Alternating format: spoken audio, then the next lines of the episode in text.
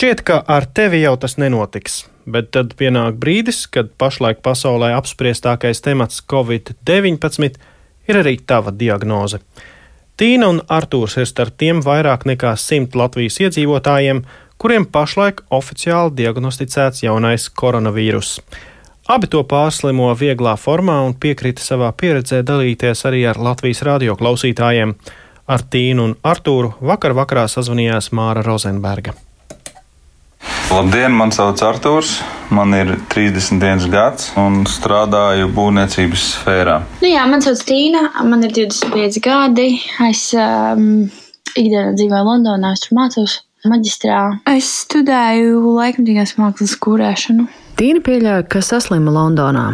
Viņa Rīgā atgriezās pirms nedēļas, īsi pirms robežu slēgšanas, un jau tajā pašā vakarā sajūta vieglus slimības simptomus. Es atbraucu svētdienas vakarā, un es redzēju lidostā, ka tur ir opcija uzreiz doties pie mediķiem, bet es to gribēju darīt pēc tam, kad es izgāju bagāžu kontroli, un es izgāju laukā no tās. Um, zonas, un tad es vairs nevarēju tikt atpakaļ. Tad kaut kā stulbi sanāca, ka teorētiski varētu izdarīt lidostā, bet ne īstajā vietā, kur es biju.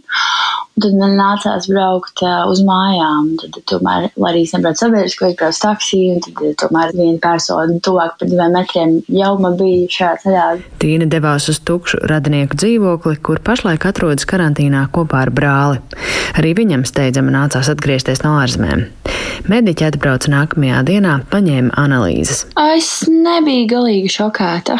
Ņemot vērā, ka es ikdienā esmu lielā pilsētā un tur to kontaktu iespējas ir bezgalīgas. Es jau sapratu, ka nu, tā ir ļoti liela iespējamība, ka es arī tādu noķeršu.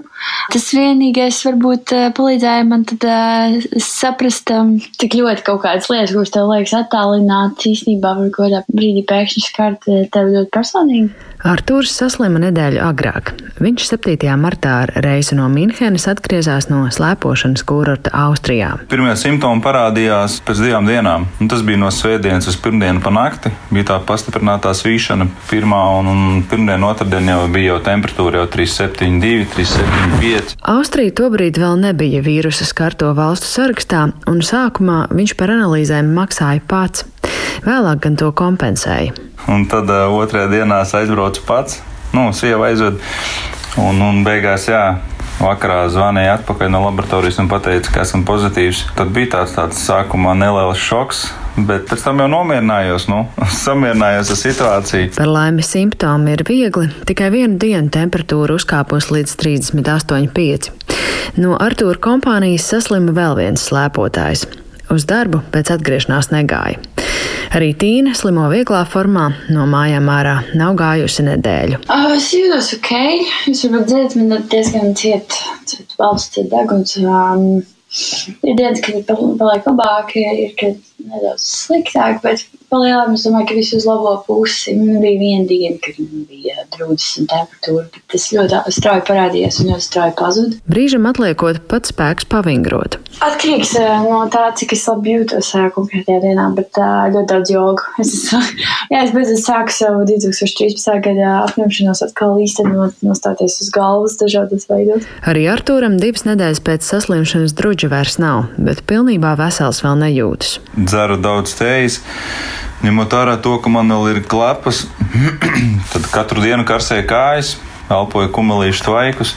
Par nērtībām runājot, nu, skaidrs, ka tā ir pārtiks piegāde, bet to mums nodrošina radinieki, draugi, vecāki. Atbrauc, noliek pie durvīm un projām. Jā. Diemžēl nesen slimības pazīmes parādījušās arī Artūra sievai. Mēs, kad uzzinājām, ka es esmu inficēts, mēs dzīvojām katrs savā istabā, kur es gāju, visu dezinficēju aiz sevis. Nu, Pārsvarā tie bija rokturi, nu, trauka, protams, tur karstās temperatūrās tika mazgāta un netika izmantot attiecīgi sieva manus. Un otrādi, un, protams, tā, kad bija temperatūra, tad arī veļu mainījām. Katru dienu visu, lai būtu tīra veļa. Un mums ir pieraksts uz analīzēm 25. martā. Man tā ir 14. diena. Nu, mēs abi tā kā dosimies. Bet, ja būs tagad izrādīsies, ka man negatīvs un sievai pozitīvs, nu, tad droši vien būs vēl jāpasēž mājās. Savukārt Tīna karantīnu pārcieš kopā ar brāli.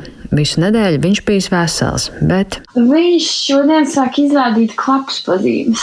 Kad jautāja abiem sarunas biedriem, ko viņi domā par tiem, kuri pēc atgriešanās ignorē noteikumu pašizolēties, Artūrs un Tīna saka tā. Es uzskatu, ka tas nav godīgi. Kamēr citi cilvēki sēž mājās un tiešām ļoti cenšas uh, maksimāli ierobežot to iespēju, kā kādam citam nodarīt kaitējumu. Visi ir pieauguši cilvēki un vajadzētu spēt aizdomāties par sekām, ja to neievēro. Kad padod tālāk, un tas cilvēks nezinot, aizbrauc ciemos pie vecākiem un nodot vēl tālāk. Tā kā piemēra nav tālu jāmeklē.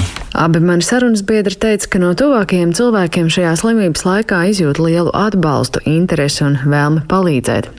Tomēr Artūrs savu fotografiju pie šī sižeta nevēlas pievienot. Mūsu tā sabiedrība ir, ir tāda, kāda ir, un, un, un pietiek jau pasakot Twitterī līdzi, teiksim, katru dienu publicēt to jauno skaitu inficēšanās. Ja. Nu, tad ļoti uztaigi pāris indivīdi, kas meklē, lai nu, konkrēti pat adresi iedotu. Ja? Un tad rodas jautājums, nu, ko tam cilvēkam dos, nu, kad tu to adresi uzzinās, tu mazāk rokas mazgās, tu sāksi tur, nezinu, apmeklēt publiskas vietas. Ar jaunā koronavīrusa skartajiem Artūru un Tīnu sazinājās Māra Rozenberga Latvijas radio. Lūk, dzirdējām divus šos stāstus. Ir 8,20 minūtes atlikušajā laikā līdz pusdeviņiem. Esam sazvanījušies ar Juriju Perevoščekovu. Viņš ir slimību profilakses un kontrolas centra infekcijas slimību riska analīzes un profilakses departamenta direktors. Labrīt! Labrīt! Nu, vispirms jājautā, kāda ir šī jaunākā situācija. Vakar dzirdējām jaunākos skaitļus 15 papildus, vai ir kaut kas mainījies pēdējās 24 stundās? Neapšaubāmi, jo uh, Nacionālā references laboratorija strādā diennakts režīmā, arī epidemiologi strādā diennakts režīmā. Mēs turpinām saņemt informāciju par apstiprinātiem gadījumiem. Un uh, noteiktajā laikā, apmēram divu stundu laika, mēs uh, sagatavosim jaunu apkopojumu, bet uh, varam atzīt, ka būs arī jauni saslimšanas gadījumi. Līdz šim tie 139 bija epidemioloģiski izmeklēti. Ar katru cilvēku bija individuālas sarunas, lai noskaidrotu, kur viņš ir inficējies un cilvēkus, kurus viņš varēja inficēt. Un, uh, statistiski sanāk tā, ka 75% gadījumu cilvēki inficējas ārzemēs.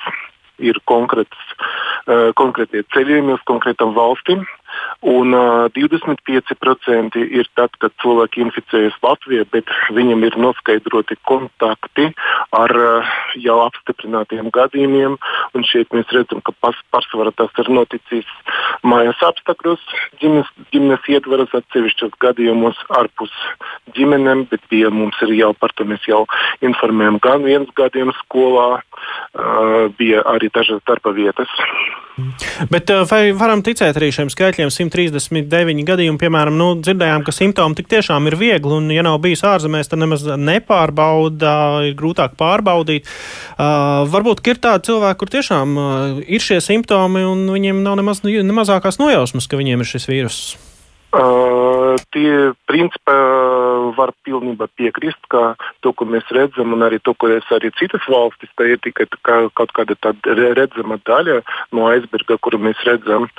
Uh, un faktiski, sas, ja cilvēks ir saslimis šodien, tas nozīmē, ka visticamāk viņš ir inficējies pirms nedēļas. Tieši šodien viņš saslimis, viņš sagaidīja izmeklēšanu. Uh, tad tā ne, faktiski tie cipari atspoguļo situāciju, kad cilvēki inficējas pirms nedēļas, varbūt pirms desmit dienām. Un, bet joprojām ir svarīgi, ko uzsver Pasaules veselības organizācija, veikto maksimālo aptveri ar izmeklējumiem. Mēs nevaram veikt nemērķīgus izmeklējumus. Mēs izmeklējam ar noteikto epidemioloģisku risku.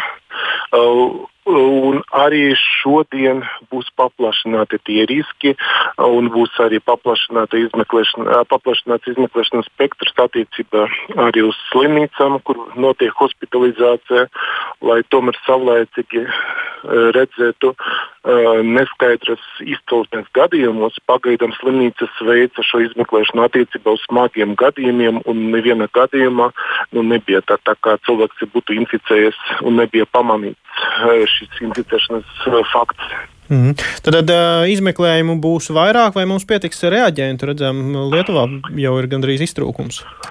Uh, par reaģentiem, reaģentiem runājot, mēs uh, pri, uz doto brīdi mums ir pietiekams daudzums, un uh, piegades, uh, piegade arī nav pārtraukta. Vai jūs paredzat, ka šis slimību skaits varētu pieaugt tuvākajās dienās, nu, ņemot vērā, ka jūs arī paplašināsiet šos te testus, vai šie cipari ies uz augšu? Noteikti mēs nevaram domāt, ka Latvija būs izņēmums, kur infekcijas sekundārie gadījumi neparādīsies sabiedrībā, jo faktiski lielākā valsts arī Eiropas Savienība izgāja šo pirmo posmu. Mēs joprojām tie pie pirmā posma, tad ir redzami uh, gadījumi, kuri saistīti ar ceļojumiem un tie uh, pirmās paudzes uh, sekundārie gadījumi.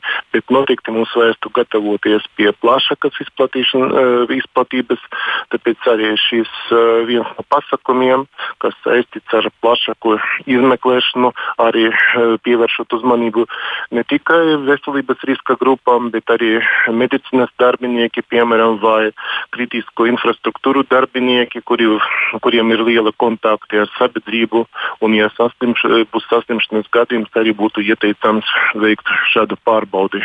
Mm. Nu, pagaidām es saprotu, tos visus gadījumus ir iespējams izsekot, eh, bet vai slimnieks ir plānots kaut kā ierobežot? Mēs esam dzirdējuši par gadījumu, kad nu, tikko arī uh, dzirdējām par braucienu ar taksometru no lidostas, ar braucieniem ar vilcieniem, kad jau ir jau parādījušies simptomi. Kā ar šiem slimniekiem un simptomiem un viņu atrašanos sabiedrībā ar citiem cilvēkiem? Nu, pirmam kārtam ir tā jauna sistēma, kur bija pirms nedēļas izveidota iebraukšanas vietas šiem cilvēkiem, kuriem ir simptomi, piedāvāta uzreiz izmeklēšana. Viņiem nav uh, pieteikts vispār. Uh, prasa par to, ar kādu transporta līdzekli viņi dosies uz mājām. Tad viņi, ja ir tas ir privāts savs transporta līdzeklis, tad, tad nav problēma. Bet eh, citādi vispār piedāvā arī uh, sejas masku. Sejas maska šajā gadījumā jebkur, uh, jebkuram cilvēkam, kuriem ir simptomi, vienmēr būtu ieteicama. Ja paši cilvēki var arī uh, domāt, ja nav sejas maska, tad jebkuru audu, auduma uh, gabalu var izmantot kā šāli vai lakatiņu, mm. uh, lai nosektu elpceļus un lai vīrus neizplatas tālāk par dažiem centimetriem no, no sejas. Tas vai... ir labs pasakums, kaut ko, ko mēs varam paši izdarīt, ja ir simptomi un mēs esam pēkšņi kaut kur sabiedrībā. Vai ir paredzēti arī kādi plašāki sabiedrībai ierobežojoši pasākumi, ņemot vērā, ka jūs prognozējat, ka šie sekundārie gadījumi pieaugs? Vai mums nevajadzētu iet tādu Vācijas ceļu, ka cilvēki nedrīkst vairāk par diviem pulcēties, nedrīkst daudz viet pasaulē, nedrīkst pamest mājas un tam līdzīgi? Pilnībā piekrītu, ka pasākumiem jābūt arī. Uh, pasākumus vajadzētu paplašināt un attīstīt, attīstoties situācijai. Jo pie pirmās, nu, pie pirmās stadijas, par kuru mēs runājam, kura mēs visticamāk drīzumā iz, iz, iziesim pilnībā, tad vajadzētu noteikti pastiprināt ierobežošanas pasākumus. Jo cilvēku kontakti sabiedrībā ir tāds izšķirošs moments, kas veicina slimības izplatīšanos. Un, bet, uh, es domāju, ka attiecīgi lēmumi arī būtu pieņemti, uh, jo no epidemioloģiska viedokļa tas ir galvenais, ko var izdarīt šajā uh, periodā. No jūsu sacītā izriet, ka mēs sabiedrība varam gaidīt, ka šis vīrus izplatīsies arvien vairāk arī Latvijā. Vai tā es to pareizi saprotu? Mēs labāk šeit tomēr domāt par to, ko mēs paši varam izdarīt, jo vīrus neizplatās pats, pats par sevi. Viņš izplatās no tā, ka cilvēki kontaktējas un mums ikdienā vajadzētu domāt, ka sabiedriskas vietas, kur ir liels cilvēku skaits, nav drošas un tur nevajadzētu doties. Respektīvi, jābūt pašiem vēl piesardzīgākiem. Vēl noslēdzot mūsu sarunu, kā ir ar tiem, kas ir sākuši atveseļoties? Vai ir jau šie atvesļošanās gadījumi un vai cilvēkiem nu, nezinu, neparādās šie simptomi pēc tam atkārtoti? Protams, tā ir laba ziņā, ka līdz šim mums nav neviena, neviens pacients, kuram būtu smags vai kritisks slimības stāvoklis, vismaz līdz vakardienai, pie tik liela saslimušu skaita, par ko tas liecina, par to, ka mēs atradām pacientus sakotnē, arī vieglākus gadījumus mēs arī identificējam un veicam izolācijas pasākumus arī attiecībā uz kontaktpersonām. Vairākas valstis nav spējīgas to darīt, viņi identificē tikai jau smagu smagus gadījumus, kur ir slimnīca, un līdz ar to tie pasakumi būtu par, par, par, par vēlu. Izveseļošana notiek nemitīgi, jo, ja slimība ir viegla, tad tie simptomi paši par sevi pazūd pēc dažām dienām. Un, bet mums dotie stādījumi mums ļoti svarīgi, lai tie cilvēki, kuri pirms izrakstīšanas būtu pārbaudīti, lai, jo vīrus varētu arī pēc pārslimošanas, pēc klīniskas izvesaļošanas var saglabāties mhm. noteiktu mm. laiku. Ir pavisam īsi. Ir skaitlis ar cilvēkiem, kuri ir uh, oficiāli atvesļojušies un kuriem ir pārbaudēs nu, tagad jau negatīvs šis tests. Uh, pašais mums Jā. dotajā brīdī skaidrs ir pagaidām ir tikai viens. Skaidrs. Bet, nu, viens cilvēks, kuram ir pierādīts, ka nav vairs vīrusa. Bet drīzumā jūs sāksiet pārbaudīt tos Jā, šī pārbaude jau ir uzsakta. Diemžēl dažiem cilvēkiem mēs redzam, ka bija arī pēc kontrolas mm. parauga ņemšanas bija pozitīvs rezultāts. Jebkurā gadījumā, kad ģimenes ārsts paziņos SPKC par eh, to, ka gadījums ir noslēgts, cilvēks izvesaļojas un viņam nav vīrusa, šie gadījumi būs uzskaitīti un par tiem gadījumiem mēs noteikti informēsim. Bet mēs nevaram katru, nu, katru dienu sekot katram slimniekam, kā viņam ar veselības stāvokli ir temperatūra vai nav, to dara ģimenes ārsti. Es saku lielu paldies Jurijs Perevaščekovs. Mēs sazinājāmies ar slimību profilakses un kontrolas centra infekcijas slimību riska analīzes un profilakses departamenta direktoru šajā rītā.